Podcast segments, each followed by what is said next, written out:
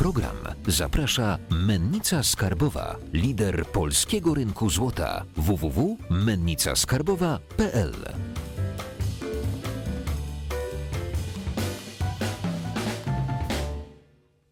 Witam Was na kanale Finansowy Preppers. Dzisiaj naszym gościem jest w zasadzie legenda y, polskiego biznesu, pan Roman Kluska. Dzień dobry.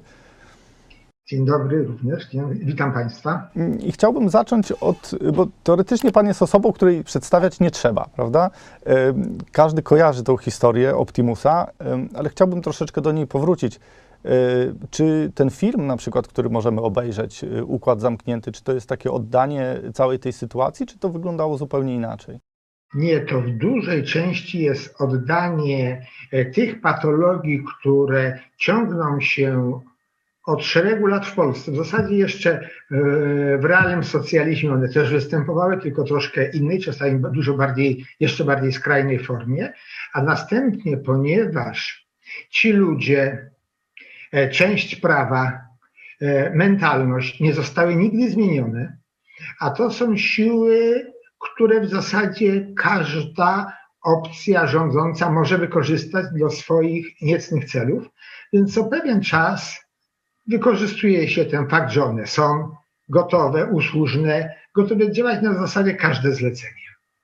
E, Tak idąc w stronę takich y, szczegółów, y, co pan tak najgorzej pamięta z tamtych wydarzeń? Y, Jakie chwile jakby panu zostały tak w pamięci, które, które były takie najstraszniejsze właśnie w tej całej sytuacji? Czy najstraszniejsze było poczucie krzywdy?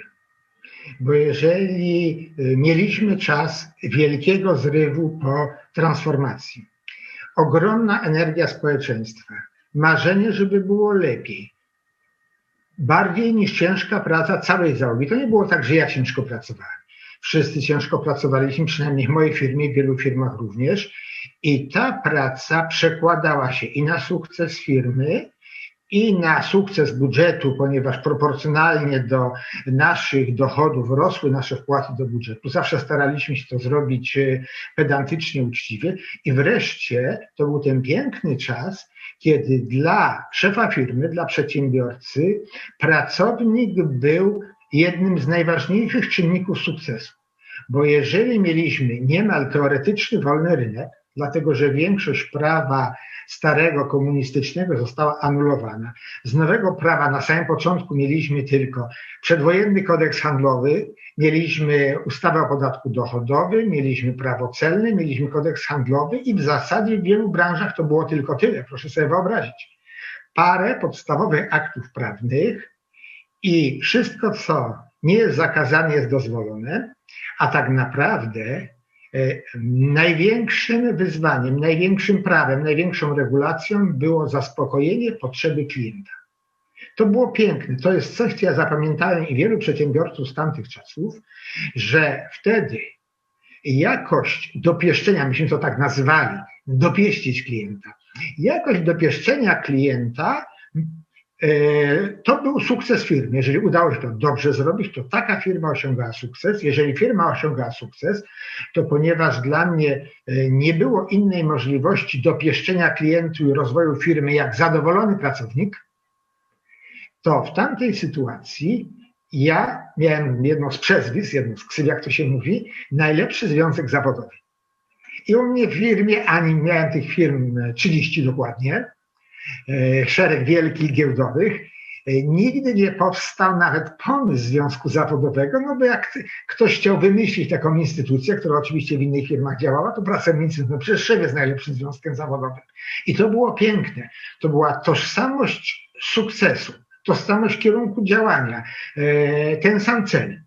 Klient miał ten sam cel, być maksymalnie dobrze obsłużony, ja, żeby firma się rozwijała i pracownicy, bo pracują dobrze, a ja o nich dbałem, oni też rośli bardzo szybko w swoim poziomie życia, w, do, w dochodach, satysfakcji, awansach. Piękny czas. Jak to się zaczęło, że pan y, tak naprawdę był po, potentatem, żeby się ścigać z Microsoftem czy z innymi firmami, które działały w tej branży, żeby mógł pan zawładnąć rynkiem? Więc y, to był ten czas, kiedy tak jak ileś lat wcześniej w Stanach Zjednoczonych sukces osiągało się jakością. I dlatego ten czas tak mile wspominam. Jeżeli teraz udało się ustawić, nazwijmy to maszynę, firmę, gdzie cała załoga pracuje dla jednego celu, a tym celem jest przede wszystkim satysfakcja klienta, no to taką maszynę, gdzie e, naszym hasłem było, że jeżeli coś zrobiliśmy dzisiaj, to powinniśmy być twórczo niezadowoleni, bo przecież można to było zrobić lepiej. To było podstawowe hasło każdego pracownika. Nie, żebym ja to wkładał. To pracownicy wymyślili to hasło, że mamy być twórczo niezadowoleni, dlatego że oni widzieli tą korelację to bezpośrednie y, przekładanie się jakości pracy na ich poziom życia, równocześnie na szybki wzrost naszego kraju, ale równocześnie, co było bardzo ważne, bardzo szybko rosły dochody budżetowe, bo przecież wtedy, nie mając żadnych barier, biurokratycznych, cała energia szła na rozwój firmy. Myśmy nie mieli żadnych sprawozdań, jakichś regulacji, problemów z interpretacją prawa, bo tego prawa po prostu nie było albo było bardzo mało i przedwojenne było proste i zrozumiałe. Więc cała energia całej załogi była skoncentrowana na rozwoju. I taka firma no, jest niemal perpetuum mobile do osiągnięcia sukcesu. Za jednym sukcesem e, powstaje jeszcze większa możliwość, więc następny sukces, jeszcze większa możliwość i tak bardzo szybko, proszę sobie wyobrazić, to jest chyba najpiękniejsze, że w ciągu chyba sześciu lat czy pięciu lat od powstania wchodzimy na rynek podstawowy giełdy warszawskiej, a za następnych parę lat dostaje nagrodę druga firma rynku podstawowego. Chcę wyobrazić pod względem kapitalizacji, wielkości obrotów, to było szereg parametrów, kiedy e, tam wzór robiła to gazeta Giełda Parkiet, no i mam taką nagrodę, druga firma rynku podstawowego, proszę wyobrazić, od zera do realnej konkurencji z wielkimi bankami, hutami, kopalniami i co tam jeszcze w tej giełdzie było. Czy y, teraz widzi Pan, że coś się zmieniło w prowadzeniu biznesu? Bo jakby prowadził Pan szereg firm przez y, swoją historię. Czy y, od tamtego początku, kiedy były takie super sukcesy, ta dewiza, żeby dbać o jakość, została, czy rynek się zmienił? Przede wszystkim zmieniły się uwarunkowania. Tamten czas pod względem uwarunkowań rynkowych był świetny. On miał inne negatywy. Oczywiście było bardzo ciężko. Na rynku nie było kapitału, nie było infrastruktury, zwykłego hotelu. Jak przyjechał gość z zagranicy, gdzie go ulokować, jaką drogą go przewieźć e, z Warszawy do Nowego Sącza. Pamiętam, jak miał przyjechać zastępca Billa Gatesa, żeby jakoś bo myśmy byli takimi e, ambasadorami Polski. Chcieliśmy pokazać, że to jest kraj e, bardzo szybko się rozwijający, e, z jak najlepszej strony, więc baliśmy się pokazać tych polskich dróg, więc wtedy żeśmy nawet helikopter wynajęli, żeby on przyleciał do Nowego Sącza helikopterem, żeby nie widział tej polskich dziur, tych polskich realiów tak naprawdę nie było nawet telefonu. Yy, łączność była fatalna, ile nam to energii i czasu zabierało, więc było cała masa innych utrudnień, nie mówiąc o tym, że pod spodem trwał, nazwijmy to po imieniu, rabunek e, polskiego mienia wytworzonego przez e, pokolenia, że działy się e, wielkie afery, które wyprowadzały wielkie kwoty e, z, z biznesu, z obiegu, w ogóle z Polski, też popatrzmy chociażby afera FOS, to są bardzo grube pieniądze wyprowadzane, nasze pieniądze Polaków, wyprowadzane dla grup przestępczych. Więc tych afer było bardzo wiele, co spowolniało proces gospodarczy i proces odbudowy, bo pieniądze wyciekały jak z durszlaka. Pieniądze te, które powinny być przeznaczone na infrastrukturę, na rozwój, na służbę zdrowia, na wszystko. Więc pod jednym względem mieliśmy piękny, sprawny mechanizm prywatnego biznesu, uwolniony i wyzwolony w sensie chęci ciężkiej pracy, wyzwolony z okowów biurokracji totalitarnego systemu. Z drugiej strony brak infrastruktury i wypompowywanie pieniędzy publicznych wszelkimi możliwymi sposobami przy bardzo nieprecyzyjnym prawie uniemożliwiającym niemal ściganie tych, e, e, którzy to robili. Więc to był czas i piękny, ale też gorzki. I potem zaczęły następować zmiany bardzo szybko, polegające na tym, że e, zaczęto produkować regulacje. No jak to jest, że była firma prywatna i w zasadzie od władzy prawie że niezależna, jak płaci podatki. Zapłaciliśmy podatek i w zasadzie to było w pewnym sensie piękne, jak przychodziły kontrole czy z Urzędu Skarbowego, czy skąd, one mnie w ogóle nie interesowały. Gdzieś tam e, w księgowości dostała pani co najwyżej herbatkę, e, niech sobie posprawdza, co jej tam pasuje i dziękujemy, żegnamy, dlatego że e, proste prawo, niewiele regulacji nie dawało żadnego powodu władzy, do ingerencji firmy, a firmy całą energię dawały na rozwój, dlatego gospodarka tak szybko się rozwijała pomimo tych wielu mankamentów. No więc yy, władza wpadła na pomysł, że przecież takiej wolności i takiego, takiej niezależności od administracji państwowej być przecież nie może. Zaczęła wprowadzać regulacje, ale gdyby to były jeszcze regulacje yy, proste i jednoznaczne, to nie byłoby problemu. E, te regulacje przede wszystkim miały ten mankament, że były pisane językiem niejednoznacznym. Czyli w zasadzie ta sama sytuacja była zgodna i niezgodna z prawem. Ja podaję na moich e, spotkaniach z przedsiębiorcami taki klasyczny wprost wypadek, kiedy pamiętam, jak zaczęliśmy produkować e, produkty multimedialne, przygotowując sobie treść do internetu, bo myśmy już czuli w Optimusie, że internet to będzie to, a będzie panem ten, kto będzie miał treść. Gdzie będzie, co z tego, że powstanie infrastruktura szybkiej transmisji, ale tam przecież trzeba to napełnić treścią, tej treści nie było w tamtych czasach. Więc myśmy postanowili digitalizować treść i tworzyć produkty medialne, bardzo różne. E, gro to były programy edukacyjne, żeby wyrównać poziom młodzieży w szkołach, bo te szkoły były bardzo różne. W dużych miastach były na pewno nieporównywalnie lepsze, więc myśmy wpadli na pomysł, weźmiemy najlepszych wykładowców, i zrobimy kursy najważniejszych przedmiotów, zwłaszcza tych maturalnych, tych egzaminacyjnych. No i takie produkty zaczęliśmy e, produkować. Była, robiła to nasza e, firma zależna Optimus Pascal Multimedia. Zresztą ta sama, z którą kiedyś żeśmy, e, jej trzon kierowniczy potem stał się kadrą Onetu. I y, pamiętam, weszła wtedy ustawa VAT-owska, była ona bardzo nieprecyzyjna i myśmy wystąpili do Urzędu Skarbowego w Nowym Stączu, jak mamy te nasze produkty multimedialne podatkować, bo lepiej było się zapytać i potem mieć taką ochronę, niż samemu ryzykować interpretację bardzo nieprecyzyjnego prawa. No i dostaliśmy oczywiście odpowiedź 22% VAT-u i sprzedajcie. Ale my widzimy, że nasza konkurencja te bardzo podobne produkty, oczywiście naszym zdaniem znacznie gorsze jakościowo, sprzedaje, o ile dobrze pamiętam, 7% VAT. Jak, jeżeli jest to produkcja masowa, gdzie zyskowność to jest maksymalnie 5%, a różnica w opodatkowaniu jest 15%, to my w zasadzie nie mamy żadnych szans na. Więc trzeba było uzbroić się w piękne, miłe uśmiechy, pojechać do konkurencji i dowiedzieć się, jak oni to robią. Myśmy mieli jednoznaczny, twardy papier od naszego Urzędu Skarbowego. No, uniżyliśmy się, pojechaliśmy, no i jaka była rzeczywistość? Oni, podobnie jak my, w obawie, że coś źle zrobią, wystąpili do swojego Urzędu Skarbowego, jak opodatkować produkty edukacyjne multimedialne. No i dostali od swojego Urzędu Skarbowego pismo, że ma być 7%.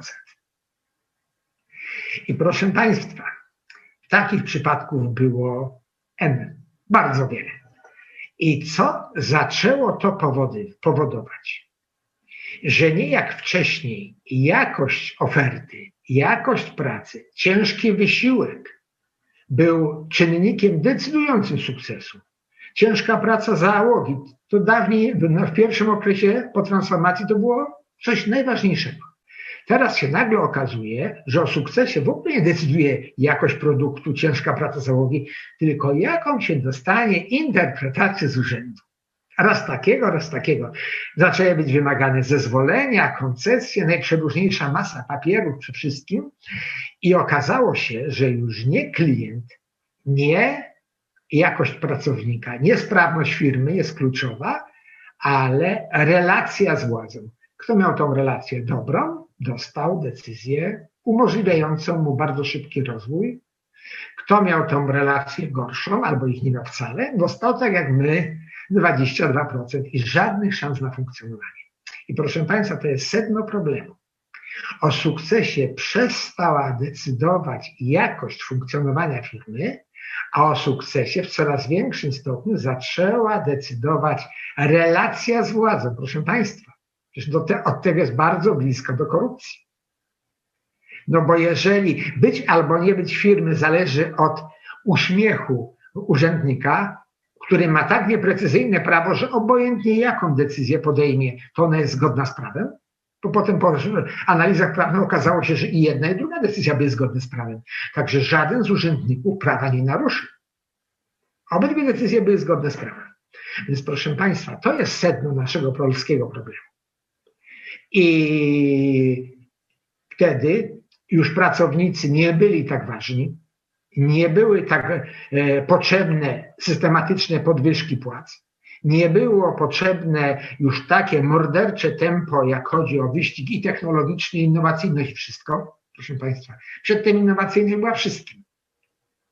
Myśmy współpracowali właśnie z największymi na świecie, żeby być pierwsi, żeby uczestniczyć w ich badaniach, ich doświadczeniach, czy w testowaniu ich produktów. W nagrodę, jak żeśmy na przykład wyłapywali jakieś błędy e, na Intelowi w procesorach w, e, w okresie testowania jeszcze przed wejściem do masowej produkcji, potem mieliśmy za to odpowiednie premiowanie. Mieliśmy szybki produkt, niższą cenę, lepsze relacje i proszę Państwa, wcześniej jakoś decydowała o sukcesie. Później radykalna przemiana, relacja, układy, zależności, no co powszechnie prowadzi do degeneracji biznesu, do korupcji, do tego wszystkiego, co jest dzisiaj dość powszechne na rynku. I właśnie e, kiedy stało się prowadzenie etycznie firmy bardzo trudne, a trzeba było wchodzić w te zawiłości układy, które były mi obce. Ja nawet w to nie wszedłem w czasie, jak byłem zastępcą dyrektora wielkiej fabryki w PRL. Proszę sobie wyobrazić, że nawet wtedy nie miałem żadnych takich relacji. Władza mnie powołała, dokładnie komitet wojewódzki, bo uznali, że jestem najlepszy. Nie należałem do partii. Starałem się moją pracę wykonywać najlepiej jak mogłem i mogłem nawet w tamtych czasach żyć bez układów. A teraz przychodzi nowa rzeczywistość, e, wspaniała wolność gospodarcza, demokracja i okazuje się, że ja tu muszę wejść w układy, żeby prowadzić firmę. Dla mnie szok. No i właśnie to było powodem, że postanowiłem e, zrezygnować, pomimo że miałem największą szansę, jaka się może przedsiębiorcy w życiu zdarzyć. Myśmy byli właścicielem Onetu. Onet był pierwszym platformą internetową w Polsce. Banki amerykańskie dawały nam ofertę za Onet, wtedy był taki szał internetowy, pół miliarda dolarów. Proszę Państwa, pół miliarda dolarów w tamtym czasie dla firmy na akwizycję za jedną trzydziestą moich aktywów, no powiedzmy może trochę więcej, bo e, nie wszystkie firmy były tak e, dobre jak one. No to e, proszę sobie wyobrazić, przez jaką szansą stanęliśmy. Myśmy takich sukcesów jak Onet mieli więcej, bo to powodowało właśnie tę pozycję firmy na rynku. I zobaczyłem, że ja się już na te czasy nie nadaję po prostu nie nadaje się. Wolałem przekazać firmę komuś innemu, kto się będzie w tej nowej rzeczywistości lepiej czuł. Sprzedałem ją, nie patrząc na cenę, byle transakcja była szybko po to, żeby firmę rozpędzoną nie wyhamować. I odszedłem yy, z tego wielkiego biznesu wtedy. No i to, co ja zrobiłem, że wolałem wybrać jak gdyby kapitalizację mojego wysiłku, a nie wejść w relacje, to było przykładem, który trzeba było ukarać. Tak naprawdę o to chodziło. No i potem całe e, ciężki czas oskarżania Proszę zobaczyć pod względem wysokości kaucji. Ja jestem do dzisiaj chyba największym gangsterem Rzeczypospolitej, bo zarzucono mi e, udział w grupie przestępczej. E, prokuratura do spraw przestępczości, Wydział do spraw przestępczości zorganizowanej prowadził akcję przeciwko mnie, czyli jestem mafiozą.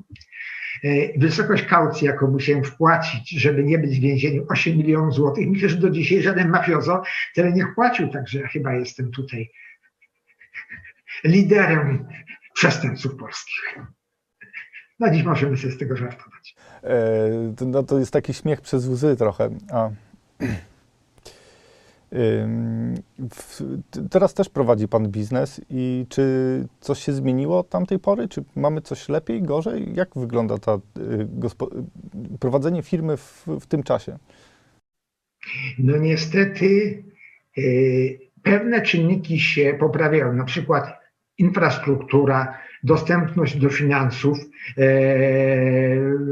szereg ułatwień, chociażby internet E, to jest dużo łatwiej. Natomiast jak popatrzymy to, co było, stało u początku likwidacji tego pięknego wyzwania biznesowego, jakim było dążenie do jakości, do innowacyjności, do postępu jak najszybszego, to niestety te hamulce coraz skuteczniej działają do dzisiaj i y, ja nie mam żadnych złudzeń, chociażby z budżetu wydać dowolną ilość milionów, miliardów czy bilionów, tak się nie zbuduje innowacyjności polskiej gospodarki.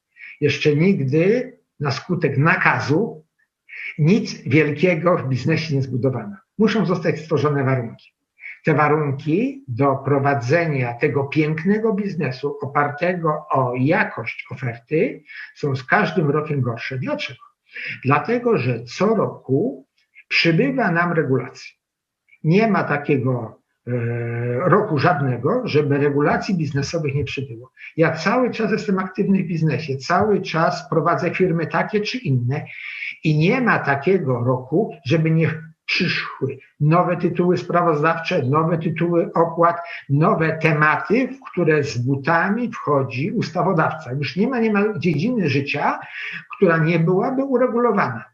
U mnie wszystko, cokolwiek w firmie chcemy zrobić, to musimy najpierw dostać zgodę z urzędu, a następnie, że już coś robimy, to cały czas jest pełna inwigilacja tego, co robimy, y, gdzie o niemal drobnych parametrach musimy w sprawozdawczości y, meldować.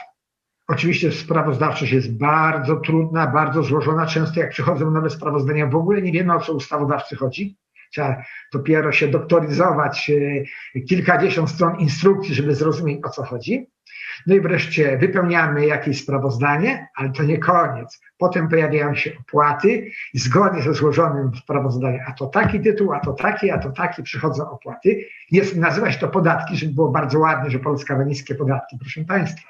Z roku na do, rok radykalny wzrost opłat, tych, które były, oraz dochodzenie nowych tytułów.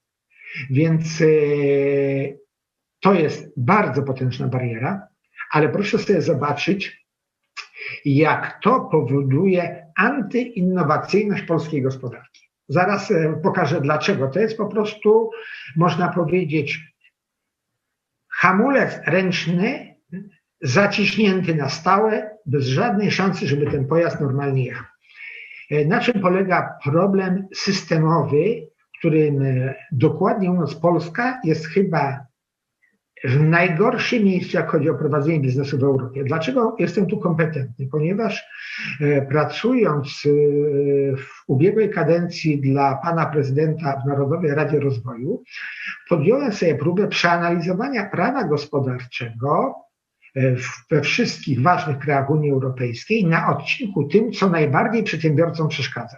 Czyli wziąłem te regulacje unijne, które u nas są zrobione e, tak, że aż zęby się zaciska. Weźmy ustawę produktową, e, ustawę o ochronie środowiska.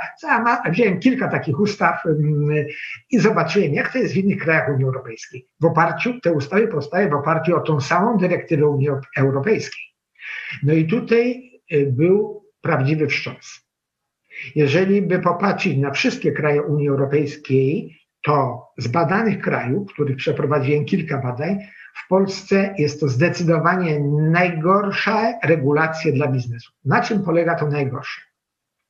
Jeżeli wchodzi jakaś dyrektywa, to w Polsce wymyślono, że w ramach jakiejś pojętej równości czy sprawiedliwości ta dyrektywa jest niemalże przepisywana na język polski, dodawane jeszcze swoje krajowe regulacje i obowiązuje wszystkie podmioty w danej branży na rynku. Proszę sobie wyobrazić, co to znaczy? Oznacza, obowiązuje jednakowo wszystkie podmioty w branży na rynku.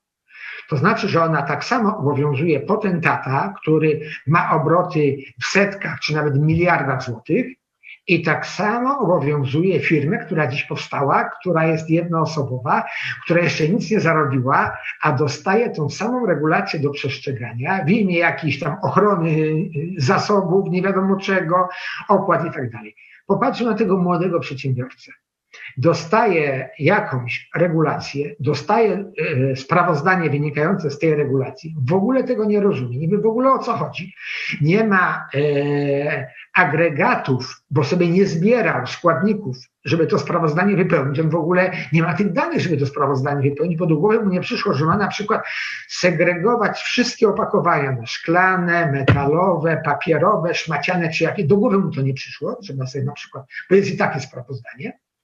Więc nie ma tych informacji, a on musi to wypełnić i wysłać. A jak nie wyśle, to kari. Proszę Państwa, ile on na to czasu straci? E, to powoduje, że ta regulacja, która jest niczym dla giganta, bo on to wszystko ma w systemie informatycznym, informatycznie tylko parę przycisków naciśnie i sprawozdanie gotowe, dla młodego przedsiębiorcy jest to ileś często tygodni pracy, a przecież o, to jest firma jednoosobowa i on nic nie produkuje. On nie zarabia, on tylko musi płacić e, wszystkie opłaty i daniny, jakie są na rynku, a nie ma czasu na pracę. Jeżeli takich e, sprawozdań i różnych regulacji dostanie kilka w miesiącu, to proszę Państwa, on ma wystartować? Co to powoduje? Że małe firmy w bardzo wielu branżach mają tak wysoką barierę wejścia, że w ogóle już nie mogą wejść, a tam, gdzie próbują jakimś cudem, zapożyczając się urodziny, nazbierać i wejść, mają pozycję praktycznie przegraną. To powoduje, że małe firmy nie zagrażają średnim, no bo są praktycznie pozbawione tego pazuru małości, innowacyjności, e, mobilności, dopasowywania się do szybko zmieniającego się rynku, bo on goni za sprawozdaniami, których nie zna. Skoro nikt nie zagraża firmie średniej, no to ona się nie rozwija. A jak ona się nie rozwija, nie zagraża dużym, jest duże też przestają się rozwijać, no bo po co? A jeżeli już jakaś średnia podskoczy, no to przecież mm, e, tamta ma dzisiaj tak wielką przewagę finansową, że sobie po prostu ją kupi. I to jest zabójstwo systemowe dla polskiej gospodarki. Teraz popatrzmy, jak to jest w innych krajach. Dla mnie wzorem jest Wielka Brytania i tu stało mi się jasno, czemu tyle Polaków, jak tam wyjechało, tu sobie nie radziło, a tam osiąga sukces. W Wielkiej Brytanii każda regulacja, którą sprawdziłem, jest dla biznesu, zwłaszcza małego, przepiękna. Jest tam napisane tak w tej regulacji. Jeżeli za ubiegły rok nie osiągnąłeś obrotu przykładowo 5 milionów funtów, ta regulacja Cię nie dotyczy. Jeżeli za ubiegły rok osiągnąłeś obroty między 5 a 10 milionów funtów, to możesz zapłacić ryczałt proporcjonalny do obrotu z roku poprzedniego i dalej cię ta regulacja nie obchodzi. Nie musisz robić żadnych sprawozdań, nie musisz nic komplet robić. Dopiero jak jesteś dużą firmą, gdzie twój obrót, to w każdej ustawie jest inne te kwoty, powiedzmy, przekroczyłeś tam 50 milionów funtów czy ileś, musisz tą regulację wypełnić zgodnie z tym, co napisano. Proszę Państwa, jakie proste i jakie piękne. I, ja, I wtedy małe firmy brytyjskie rozwijają się bardzo szybko, wymuszając rozwój na średnich, te się wy, e, rozwijają, wymuszając rozwój na dużych i gospodarka jest innowacyjna. Polsce, jak myśmy sobie dali systemowy stoper dla innowacyjności, nie ma takiej ilości pieniędzy, która wpompowana w gospodarkę, to innowacyjność by wymusiła na siłę. Czyli dobrze rozumiem, jakby sytuacja mm, polityczna, powiedzmy pod naciskiem korporacji zagranicznych, kiedyś jakby zawładnęła naszym rynkiem. No bardzo ładnie pan to nazwał, bo kto jest beneficjentem? Korporacje. Przecież w takiej sytuacji całym beneficjentem takiego tworzenia prawa są korporacje. Im jest u nas lepiej, jak bardzo dobrze. Może ja jeszcze powiedz, pokażę, jak to wygląda, tak w praktyce. E, jedna z moich firm byłych rozwijała się, rozwinęła się bardzo ładnie. No jest w tej chwili w Polsce monopolista. E, no bo była już duża za naszych czasów, potem weszły takie prawa, e, gdzie oni powiedzieli wprost, rząd wybił naszą konkurencję, bo nie byli w stanie tych regulacji spełnić. Myśmy byli duży, mieliśmy pieniądze, wybiliśmy. Mówię, szefie, jak nam jest teraz dobrze. Jak rozmawiam z kierownicą, szefie, jak nam jest dobrze. Nie musimy nic zrobić, tylko ceny podnosimy. Szefie, jak nam jest dobrze. I budżet zadowolony, skoro ceny się podnoszą, to wskaźniki rosną, wpływy do budżetu rosną i minister finansów mówi, no jakie myśmy super warunki dla polskich przedsiębiorców stworzyli. Tylko jeszcze jedno uzupełnię. Chcę powiedzieć, że to nie jest e, powiedzmy błąd tego rządu. To nie jest rząd poprzedniego rządu. To jest polityka wypracowana w interesie wielkich korporacji od samego początku, poza tymi pierwszymi kilkoma latami, o których mówiłem. Także ten sam grzech popełniają wszystkie kolejne rządy i w żadnym z tych rządów nie ma autorefleksji, żeby to zmienić. Oczywiście są maleńkie przypadki y, jakiegoś małego kroczku wstecz, ale to są maleńkie kroczki wstecz, bo muszę tu być uczciwy. Nie jest to tak, że jak ja to mówię, czy inni mówią, to rząd nie reaguje. Więc y, mogę powiedzieć, y, i to nawet tych przykładów mogę trochę wymienić, kiedy na skutek pokazania tego mechanizmu jakiejś konkretnej ustawy czy konkretnej sprawie, rząd dokonał takiej prorynkowej korekty, Natomiast jest to kropelka w oceanie problemów. Tego prawa jest już tak dużo, że nawet jeżeli się e, rząd zdobył na refleksję i dokonał maleńkiej korekty na jakimś odcinku, często nawet dużej korekty, ale w porównaniu z wielkością już i zaawansowaniem problemu przez lat, to są e, działania śladowe. Okej, okay. ja wyczytałem gdzieś, że Pan kiedyś wspierał rządzących, tworząc taką, nie wiem czy dobrze pamiętam nazwę, taką białą kartę przedsiębiorcy, y, która miała pomóc y, jakby nam przedsiębiorcom, żeby się rozwijać lepiej. Y, z tego, co mm, internet mi podpowiadał, zmieniła się partia i jakby ten projekt został zaniechany. Czy jakby do, dobrze to pamiętam? Jak, jak to było? Coś e, tak, ale nie do końca. Ja e, starałem się jako człowiek, który żyje gospodarką od niemalże urodzenia, dlatego że nawet e, w szkole podstawowej prowadziłem sklepik uczniowski. Ja jak gdyby od, od samego początku jestem na rynku i rozwijam jakąś działalność, mniejszą lub większą. Dlatego ambicja, aby Polska była krajem którym się dobrze żyje, dlatego że gospodarka sprawna potrafi większość naszych potrzeb e, zaspokoić, jeżeli się jej nie przeszkadza. Od samego początku e, funkcjonowania firmy, z racji tego, że no Optimus stał się firmą znaczącą, miałem dostęp do decydentów i już od tamtego czasu w każdym kolejnym rządzie starałem się zrobić e, zrozumienie potrzeb biznesu. Także nie jest to tak, że to była jedna władza. Wszystko od samego początku i obojętnie od formacji, czy rządziło SLD, czy roz, rządziła Platforma, czy rządzi PiS. Ja podchodzę do każdego rządu z nadzieją, że ten rząd argumentu usłyszy i poprawi, że to jest w jego interesie. Gdyby wprowadzić y, działania takie jak na przykład Wielkiej Brytanii, jestem przekonany, że w ciągu dosłownie paru lat, wystarczyłoby dwa czy cztery lata, byłby taki przyrost aktywności biznesowej, konkurencyjności, innowacyjności, że e, wpływy do budżetu rządu byłyby znacznie, znacznie większe i e, byłoby dużo łatwiej rządzić. Rząd wtedy by zaspokajał potrzeby społeczne bez drenowania przedsiębiorców i byliby wszyscy zadowoleni, tak na początku transformacji, o czym mówiłem. Dlatego staram się ze wszystkimi rządami współpracować. Mogę powiedzieć, że były chwile, kiedy niektóre rządy zrobiły dużo, czy bardzo dużo nawet, na jakimś jednym odcinku, oczywiście na innych było tak jak było. Także nie ma rządu, który by nie zrobił nic wartościowego. Nie chcę tu wymieniać, ale mógłbym wymienić całą masę wspaniałych, mądrych ludzi, którzy zrobili dużo dla biznesu. Niestety rząd każdy w swojej masie zachowuje się zgodnie ze standardem, o którym mówiłem wcześniej. Ja postaram się teraz postawić taką odważną tezę, bo jakby to jest fakt, że y, spółki w Brytanii robią się coraz bardziej popularne, też dużo biznesu stąd wychodzi.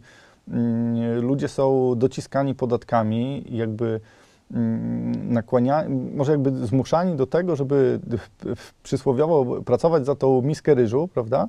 I czy nie idziemy w stronę socjalizmu? Czy jakby ten komunizm do nas nie wraca z powrotem? Ten, czy jakby władza nie chce nas znowu z, zrobić z nas takich niewolników, którzy będą dostawali pracę, będą dostawali pensję podstawową, powiedzmy, y, jakiś samochód na wynajem, y, mieszkanie na wynajem, mają sobie dobrze żyć, ale nie mieć nic swojego, prawda? No więc, e, tak jak e, wcześniej już mówiłem, E, jestem w biznesie przez bardzo wiele lat i byłem jeszcze w biznesie w czasie realnego socjalizmu.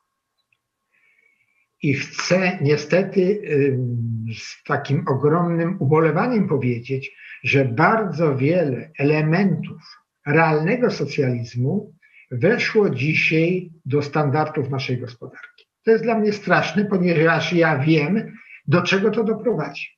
Młodzi ludzie, jak znają hasła, jak z nimi często rozmawiam, a przecież socjalizm nie był taki zły, bo były tanie mieszkania, bo były tanie samochody i tak dalej, i tak dalej. Tylko ci młodzi ludzie nie doczytali, że za to mieszkanie czekało się 25 e, czy 30 lat, a jak się już dostało, to było w takim stanie, że w ogóle się w nim mieszkać nie dało. Ja to wszystko przeżyłem, więc ja wiem, że to jest ustrój, który dąży, które równa do najsłabszego. To jest taka zasada realnego socjalizmu równania do najniższego, równania do najsłabszego, równania do absolutnego minimum. E, a wszyscy myślimy, że jak będzie socjalizm, to będzie równanie do e, najlepszego standardu. Nie, proszę Państwa, tak nie będzie. Natomiast dlaczego jestem taki zatroskany obecną rzeczywistością? E, widziałem szereg tych zjawisk, ale Y, jako człowiek zaangażowany wyłącznie w gospodarkę, nie byłem w stanie ich sobie ułożyć w jedną logiczną teorię. Ponieważ brakowało mi szereg elementów, chociażby ze świata finansów, w którym y, jestem dużo słabiej obecny niż w realnym biznesie. I dopiero jak zetknąłem się w ubiegłym roku z książką Ronalda Badera, Koniec pieniądza papierowego, to wszystkie te moje wątpliwości zostają wyjaśnione niestety bardzo spójną i bardzo logiczną teorią, która pokazuje, na jakim etapie rozwoju dziejów jesteśmy. Y, o tyle to jest w pewnym sensie smutne, że Bader zmarł już 10 lat temu. Był to naukowiec niemiecki, zanim został naukowcem, był y, przedsiębiorcą, a dlatego był to bardzo cenny naukowiec, ponieważ jako przedsiębiorca sam sobie finansował badania. Więc on dążył do prawdy, dążył do obiektywizmu, a nie dążył do zleceniodawcy jakiegoś tam grantu czy e, jakiejś tam e, opcji, której trzeba się ładnie przypodobać, żeby dostać awans czy pieniążki. Bader był naukowcem całkowicie niezależnym i co w książce, która jest uwieńczeniem jego pracy naukowej, koniec pieniądza papierowego, co on tam e, napisał i co najgorsze właśnie zmarł 10 lat temu, a niestety wszystko, co napisał i to nie w przybliżeniu, a jota w jotę się realizuje na naszych oczach. To, yy, ponieważ ja z wykształcenia jestem ekonomistą, ekonometrykiem, więc jeżeli jakaś teoria po 10 latach się nam dokładnie realizuje, to to jest e, potwierdzenie jej prawdziwości. Więc y, Bader zauważył, że kapitalizm był piękny, dopóki był kapitalizmem. Władza, aby zwiększać swoje wpływy, aby e, coraz bardziej uzależniać od siebie społeczeństwo i aby wreszcie mieć środki, żeby przypodobać się wyborcom i wygrać następną kadencję, doprowadziła do sytuacji, że z ustroju kapitalistycznego wymontowano dwa podstawowe elementy samoregulacji. Czyli jak mieliśmy ustrój kapitalistyczny, który uzyskiwał równowagę przez brak równowagi cały czas po, po rozwijającej się po sinusoidzie, ale to był mechanizm gwarantujący stabilność w bardzo długim, długim, bardzo długim, w każdym okresie czasu, dlatego że był to mechanizm samoregulujący się. I przez to był w pewnym sensie niedotykalny przez władzę. Władza musiała te elementy samoregulacji wymontować i zastąpić je elementami znanymi z realnego socjalizmu. I jeżeli teraz pozbawiono kapitalizm elementu samoregulacji, a włożono tam elementy socjalizmu, czyli elementy ustalane przez rząd, kluczowe, mówię tu o kluczowych czynnikach e, regulujących gospodarkę kapitalistyczną, to niestety przestała ona być gospodarką kapitalistyczną, a stała się gospodarką socjalistyczną. I dlatego dziś, ponieważ te elementy są wymontowane przez władzę, dlatego nie mamy już kapitalizmu. Jakie to są elementy, na które Bader wskazał uwagę jako dwa kluczowe? Pierwsza to jest ilość emitowanego pieniądza oderwanie emisji pieniądza od złota, a zastąpienie tego decyzją najpierw banków bardziej lub mniej niezależnego, a w tej chwili w zasadzie e, podporządkowanych e, rządom spowodowało, że emisja pieniądza przestała mieć, być czynnikiem samoregulacji. Ale to jeszcze byłoby do przeżycia dlatego że w poprzednich latach rządy ponosiły koszt tak wydrukowanego pieniądza, ponieważ rynek ustalał stopy procentowe. Jeżeli w tej chwili rządy, e, że tak wyrażę, weszły w posiadanie instrumentów ustalania stóp procentowych i ustaliły sobie te stopy na zero, to przecież nie ma żadnej odpowiedzialności za ilość dodanego pieniądza. Jak się ta forma nazywa? Oczywiście pałacy się oburzą, nikt nie drukuje. Oczywiście ja wiem, że nie drukuje. Natomiast te formy yy, yy, tworzenia pieniądza, tak to nazwijmy, bo jest ich, jest, ich, jest ich wiele. I jeszcze proszę zobaczyć to, że rządy i w dużej części korporacje mają oprocentowanie zero, czyli koszt pieniądza jest zero Proszę Państwa, no większej demoralizacji być nie może. Jeżeli mogę tworzyć pieniądz i jeszcze nie, nie być obciążony kosztami e, tej działalności. I jeżeli teraz znaleziono mechanizmy, żeby e, ten tani pieniądz dotarł do korporacji, to już mamy całkowitą degrengoladę, ponieważ gospodarka przestała być konkurencyjna. Mali i średni mają koszt pieniądza rynkowy, czy jakiś tam. Natomiast wielcy, rządy i wielcy mają w zasadzie zero. Proszę Państwa, to już mamy tylko równie pochyłą. Jeżeli chodzi o stopy procentowe, to y, do jakiego momentu my je możemy obniżać? Bo tak naprawdę one cały czas topniały, a w tym momencie jesteśmy blisko zera, w niektórych momentach nawet, y, w niektórych gospodarkach nawet wchodzimy na minus. Ujemne stopy. Czy, czy, może, czy możemy Państwa. mieć ujemne do, do jakich granic? Proszę Państwa, e, jeżeli to wymknęło się rynkowi i nie jest to element gry rynkowej, a w tej chwili nie jest, no to władza może robić wszystko. Może wprowadzić nawet minus jeden, minus dwa. Proszę Państwa, e, jak już powiedziałem, ja tą zachłanność władzy na bycie dalej u władzy znam z poprzedniej epoki. I w tej chwili, co Bader zauważa, obojętnie która władza na świecie, poza jakimiś bardzo nielicznymi wyjątkami, gdzie jeszcze uchowały się jakieś zasady etyczne i służy się społeczeństwu. Ale tak naprawdę, jeżeli patrzymy na e, większość krajów na świecie, to sprawujący władzę e, w zasadzie mają jeden cel, jak tą władzę utrzymać jak najdłużej. I jeżeli jakakolwiek władza się zmieni na inną, to nowa władza też ma tylko ten sam cel jak skorumpować cało, całe, można powiedzieć, społeczeństwo najprzeróżniejszymi obietnicami, aby tą władzę najpierw pozyskać, a potem utrzymać jak najdłużej. Nie ma tu już w ogóle dbałości o e, jakąkolwiek rację stanu, jest to już gra interesów, gra korzyści. I jeżeli teraz popatrzymy, że do tego, e, można powiedzieć, monopolu na sprawowanie władzy dochodzą korporacje, bo zostaje podpięte do tego taniego pieniądza, no to w zasadzie zaczyna się nam robić świat, gdzie będziemy mieli rządy, obojętnie kto tą władzę sprawuje, bo mają, mają ten sam cel. Ja to dokładnie cytuję z Badera. Leży przede mną egzemplarz tej książki. E, kto nie wierzy, może sobie przeczytać. Ja tu żadnej własnej w tej chwili filozofii nie wymyślam. Ja tylko z ubolewaniem e, stwierdzam, że jego spostrzeżenia są tożsame z moimi na odcinku gospodarczym, a w pozostałych odcinkach przyjmuję jako prawdziwe, no bo w, w realiach gospodarczych się sprawdzają. No więc jeżeli teraz y, obojętnie kto sprawuje władzę, a wszyscy już się zachłystują tym władztwem, no to w zasadzie to już nie jest sytuacja, gdzie władza nie popuści. Ta elita, która już, czy ona się wymienia, czy to jest cały czas ta sama partia, nie ma to dla obywateli większego znaczenia.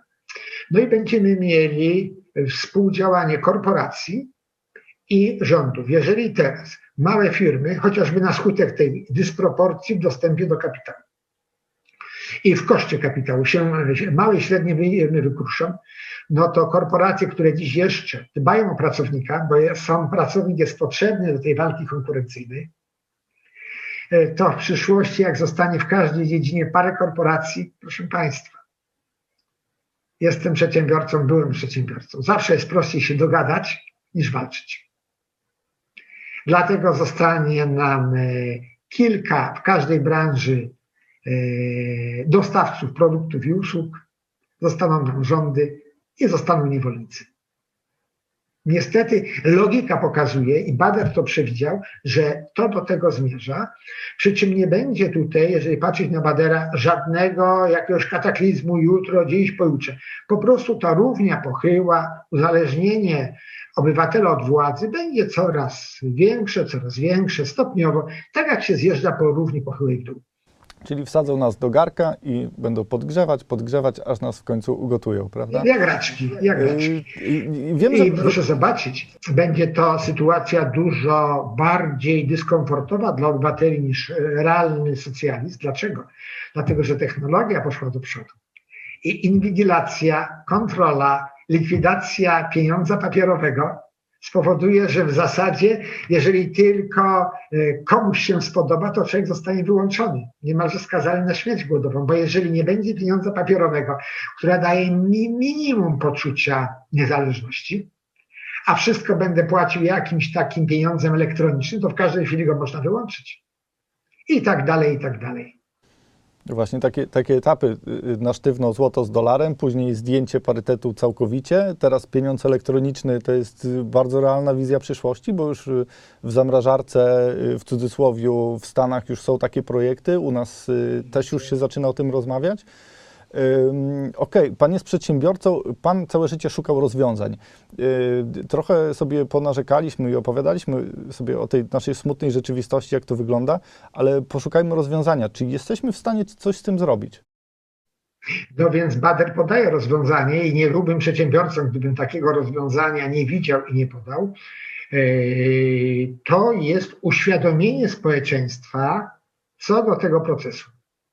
I jeżeli społeczeństwo zacznie być świadome, e, do czego zmierzamy, potrafimy przekonać zwłaszcza młode pokolenie, bo starsze pokolenie jeszcze pamięta. Poza beneficjentami tamtego ustroju, ono cały czas realnie ocenia e, zagrożenia i dziś jest dużo bardziej sceptyczne co do przyszłości niż młode pokolenie. Natomiast młode pokolenie, które nie pamięta tamtych czasów, do tego wychowane jest przez bardzo takie współczesne trendy, powiedzmy, że pochodzące z tego samego źródła, co e, realny socjalizm, finansowane i rozwijane, e, powodują, że młodzież wchodzi w tą ideologię przekonana o jej słuszności i wyższości i się tego nie boi, nie obawia, dopóki nie zacznie być bardzo ciężko. Oni żyją marzeniem, bo myślą, że e, po okresie jakimś przejściowym, nie tylko, że będzie tak, jak było parę lat temu, że będą sobie mogli jeździć po świecie, być niezależni, ale ponieważ siły wytwórcze, e, likwidacja granic państwowych, zrobienie na przykład jednego państwa europejskiego spowoduje, że będzie jeszcze lepiej, jeszcze wygodniej się przemieszczać. Oni sobie wyobrażają bezkrytycznie, że to wszystko będzie dążyło na plus. Jeżeli potrafimy argumentami, i e, spowodowaniem, że oni zaczną realnie obserwować rzeczywistość, spowodować u nich refleksję. Jak powiedziałem, starsze pokolenie już e, jest coraz bardziej świadome tych e, kierunków, w którym idziemy, to wtedy żadna władza na zasadzie tego, że chce się utrzymać przy władzy, nie będzie forsować tego rozwiązania. Proszę sobie zobaczyć kto zrobił najpiękniejsze reformy wolnorynkowe? Pan Wilczek, komunista w czasach realnego socjalizmu. Przecież ustawa Wilczka to jest najpiękniejsza reforma rynkowa, której żadnym kapitalizmem nie przeprowadzono. Thatcher to się może schować przy nim. Zrobili to komuniści. Dlaczego? Bo bali się utraty władzy. A popatrzmy sobie, kto w naszym e, już czasie po transformacji zrobił największy skok w wolności przedsiębiorców. Pan Leszek Miller, prowadząc działalność gospodarczą. Gdyby nie ta działalność gospodarcza, to dzisiaj polska gospodarka byłaby w nieporównywalnie trudniejszej i e, dużo bardziej beznadziejnej sytuacji, odczuwającej skutki wszystkich kryzysów i wszystkich trudności. Dzięki tym e, ogromnej rzeszy ludzi pracujących w tych małych firmach, którzy pracują na swoim i swoim majątkiem, a nie jak w spółce z oczy, spółce akcyjnej, całym swoim majątkiem odpowiadają za to, co robią, oni starają się ze wszelkich miar przezwyciężyć każdy problem, dlatego że oni odpowiadają całym majątkiem za swoje zobowiązania i za to, co robią. I dlatego, że pan Leszek Miller wprowadził taką formę działalności, a tylko dlatego, żeby gospodarka stanęła, bo za bardzo przykręcili śruby biurokratyczne e, i cała masa i gospodarka stanęła i zrobili najwspanialszą reformę po Wilczku naszej rzeczywistości gospodarczej. Także jest to optymizmem. E, uświadamianie, argumenty, przekonywanie, pokazywanie. To jest droga, gdzie możemy, e, tak się mówi, nawet kijem zaczynać tą e, drogę ku przepaści. W tym momencie mamy taki mm, czas pandemii, w którym jakby też wprowadzane są mm, nie na zasadzie nawet prawa, tylko regulacje są na zasadzie prezentacji i, i wystąpienia konferencji, prawda, to, to, to stanowi prawo. Też jakby jest często podważane, że to jest niezgodne z konstytucją, że za, zabraniamy komuś prowadzić biznes. Czy jeżeli y, można wprowadzić pretekst y, w postaci, jakby, jakby ja nie podważam jakby tych rzeczy covidowych, że one są złe czy dobre, tylko jeżeli możemy, mamy media, czyli tą czwartą władzę, w, w ręku, możemy spowodować jakąś, powiedzmy, y, sytuację taką zagrożenia, w której y, będziemy sobie robić, co chcemy jako władza i, i będziemy utrudniać to mm, prowadzenie biznesu, będziemy utrudniać jakby bogadzenie, bogadzenie się y, społeczeństwa, a jakby społeczeństwo biedne nie ma czasu na myślenie, nie ma czasu na takie słuchanie takich wywiadów, na przykład jak my, bo oni muszą, muszą zarobić, oni muszą się, się zająć rodziną, a tylko ci, którzy jakby mają w pewnym sensie majątek, mogą się, mm, mogą się rozwijać bardziej. I czy, czy powiedzmy nie będziemy szli w stronę tego, że będzie nacisk, żebyśmy byli zastraszani cały czas yy, i, i żeby było utrudnianie nam tego bogacenia się jeszcze bardziej? E, pan dokładnie e, porusza się, nawet jeżeli Pan nie czytał książki Badera, to Pan porusza się po jego głównych tezach książki. Więc e, Bader przewidział, że władza, żeby zlikwidować klasę średnią, bo to jest największa przeszkoda w realizacji tego utopijnego planu doprowadzenia do całej komunizacji świata. Więc tutaj we wszystkich krajach klasa średnia, Bader pokazuje, są dwa czynniki przeszkadzające. Jest klasa średnia i chrześcijaństwo.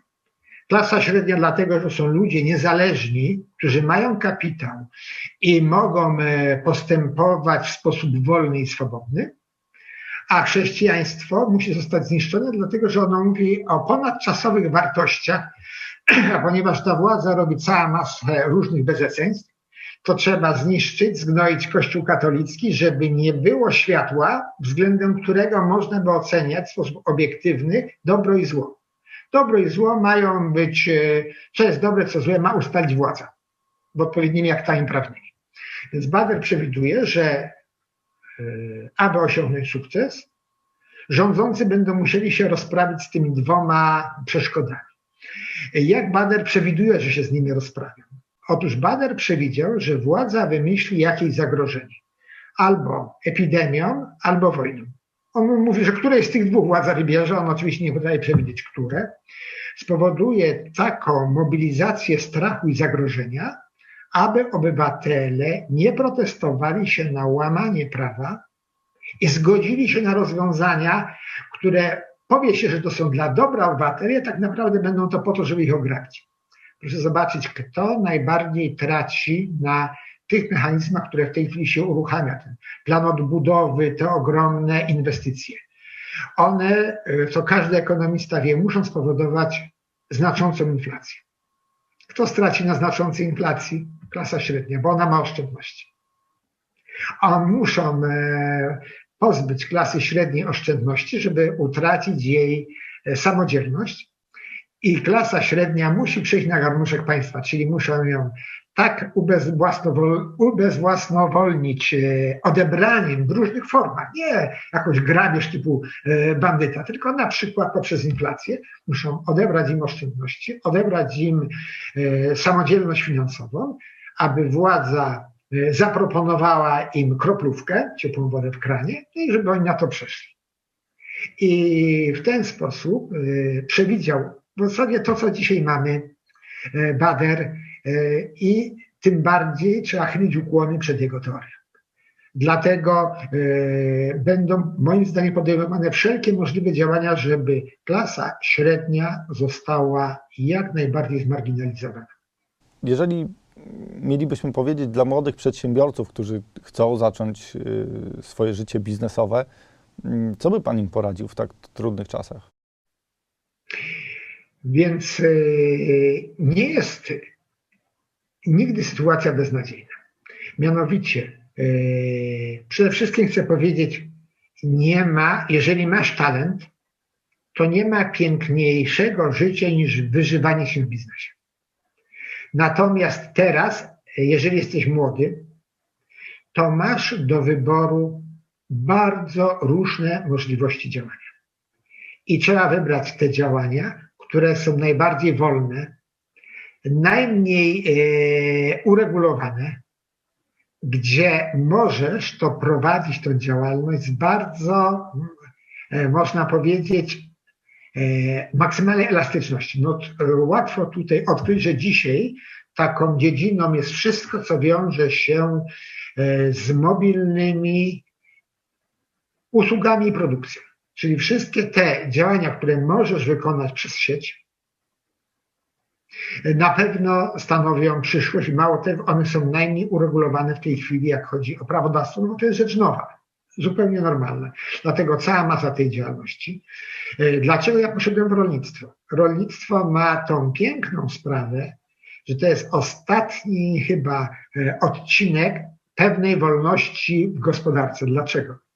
Nie udało się jak dotąd żadnej władzy zamienić podatku gruntowego w dochodowy.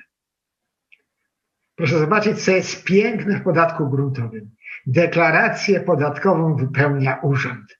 Ja ją dostaję, jak akceptuję ją, to płacę. Jak nie akceptuję, to się odwołuję. Ale proszę Państwa, nie ponoszę odpowiedzialności za wyliczenie podatku. Takie to jest piękne, jak wszyscy przedsiębiorcy by tak chcieli mieć. Ja w tej chwili jako rolnik dostaję deklarację z urzędu, robię przelew i nic mnie nie obchodzi. I dlatego jest tyle zakusów różnych pseudoekonomistów, e, żeby się pozbyć podatku e, rolnego. Dlaczego ten podatek jest dla różnych, tych ludzi bardzo niewygodny? Bo się go nie da ominąć. Nie ma żadnych ulg. Jest on bezwzględny. Masz ziemię w tej i tej klasie jakości, zależnie od jakości ziemi jest wysokość tego opodatkowania. Jak masz ziemię skalistą w górach, na której nic nie, nic nie urośnie, to jest to opodatkowanie niewiele. Jak masz e, ziemię czarnoziem, elegancki, mat i tak dalej, jest opodatkowanie wysokie. I proszę Państwa, jeżeli stajesz się właścicielem ziemi, musisz płacić. I nie ma żadnych wyjątków. I to jest taką solą w oku dla bardzo wielu ludzi, którzy nauczyli się manewrować między przepisami, bo nie ma jak wymanewrować e, podatku gruntowego. E, ale dzięki temu, że on jest taki prosty, dlatego bycie rolnikiem na tym odcinku jest piękne. Nie mówiąc o tym, że e, żywność, zwłaszcza żywność dobra, zaczyna spotykać się z coraz większym zainteresowaniem rynku.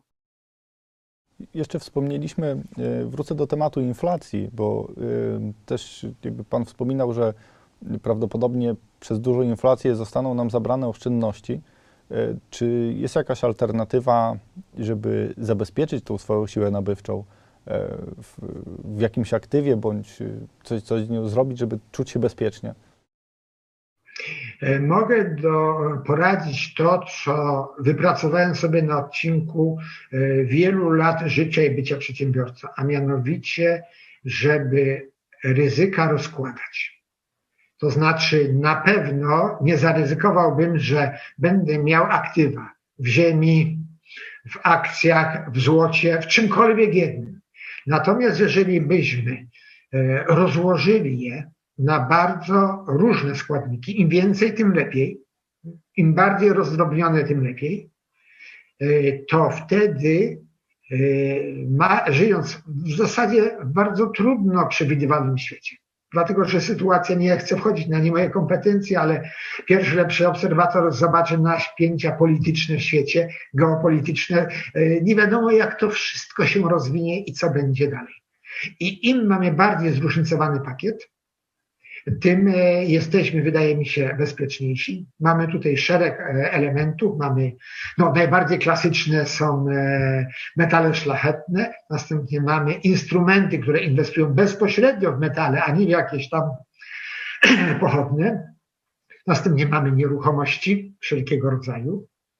No i mamy wreszcie dobre firmy, mamy całą masę ofert e, giełdowych, tylko trzeba to wszystko robić e, bardzo rozsądnie, wyważnie i moim zdaniem jak najbardziej zróżnicować ten pakiet.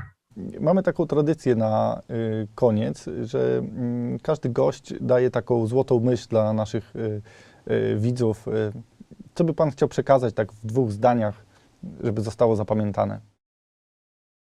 Dla mnie najważniejsze to przesłanie to jest to, żeby młodzi zaczęli myśleć, żeby młodzi e, nie przyjmowali tak lekko tego, co media podają, że popatrzyli na wszystko krytycznie, zwłaszcza na to, co jest poprawne politycznie. Z mojego bardzo długiego życia. Wszystko to, e, co władza nam e, i poprawność polityczna przez te moje już prawie 70 lat życia wkładała. To wszystko potem okazało się grom, mrzonką dalekiej od realnej rzeczywistości. Więc wszystko, co to jest nam dziś tak na siłę wkładane, że musimy, a zwłaszcza to, co ci, co wkładają, sami nie realizują. Takich przykładów mogę dać bardzo wiele. Niemcy stawiają e, u nas, za nas na e, energetykę odnawialną, a sami budują elektrownie węglowe i też na węgiel brunatny, tym podobno najbardziej szkodzący. I tak mógłbym pojechać pod całą masę innych czynników z naszego życia, kiedy na siłę w ramach najprzeróżniejszych poprawności klimatycznych, ekologicznych i innych, daje się nam pewne standardy, rozwiązania, niemalże zmuszając do tego, kiedy, jak popatrzę z mojej perspektywy, za każdym razem, kiedy miałem coś na siłę przez władzę wkładane, trzeba to uznać jako co najmniej do zastanowienia. Nadzieja umiera ostatnia. Więc proszę Państwa, przeszedłem już bardzo wiele. Przeszedłem realny socjalizm, przeszedłem stan wojenny, przeszedłem pobyt w więzieniu, przeszedłem wiele sukcesów. I chcę powiedzieć, że pójście przez życie drogą etyczną drogą spokojną, drogą niechciwienia się na jakieś wielkie korzyści jednorazowe, a jedzenie cały czas małą łyżeczką daje poczucie wewnętrzne i e, pokój. A jeszcze tak jak ja, jako katolik, mając oparcie e, w Panu Bogu, ze spokojem patrzę na wszystko to, co się dzieje dookoła. Dziękuję i życzę podobnego spokoju. Dziękuję bardzo.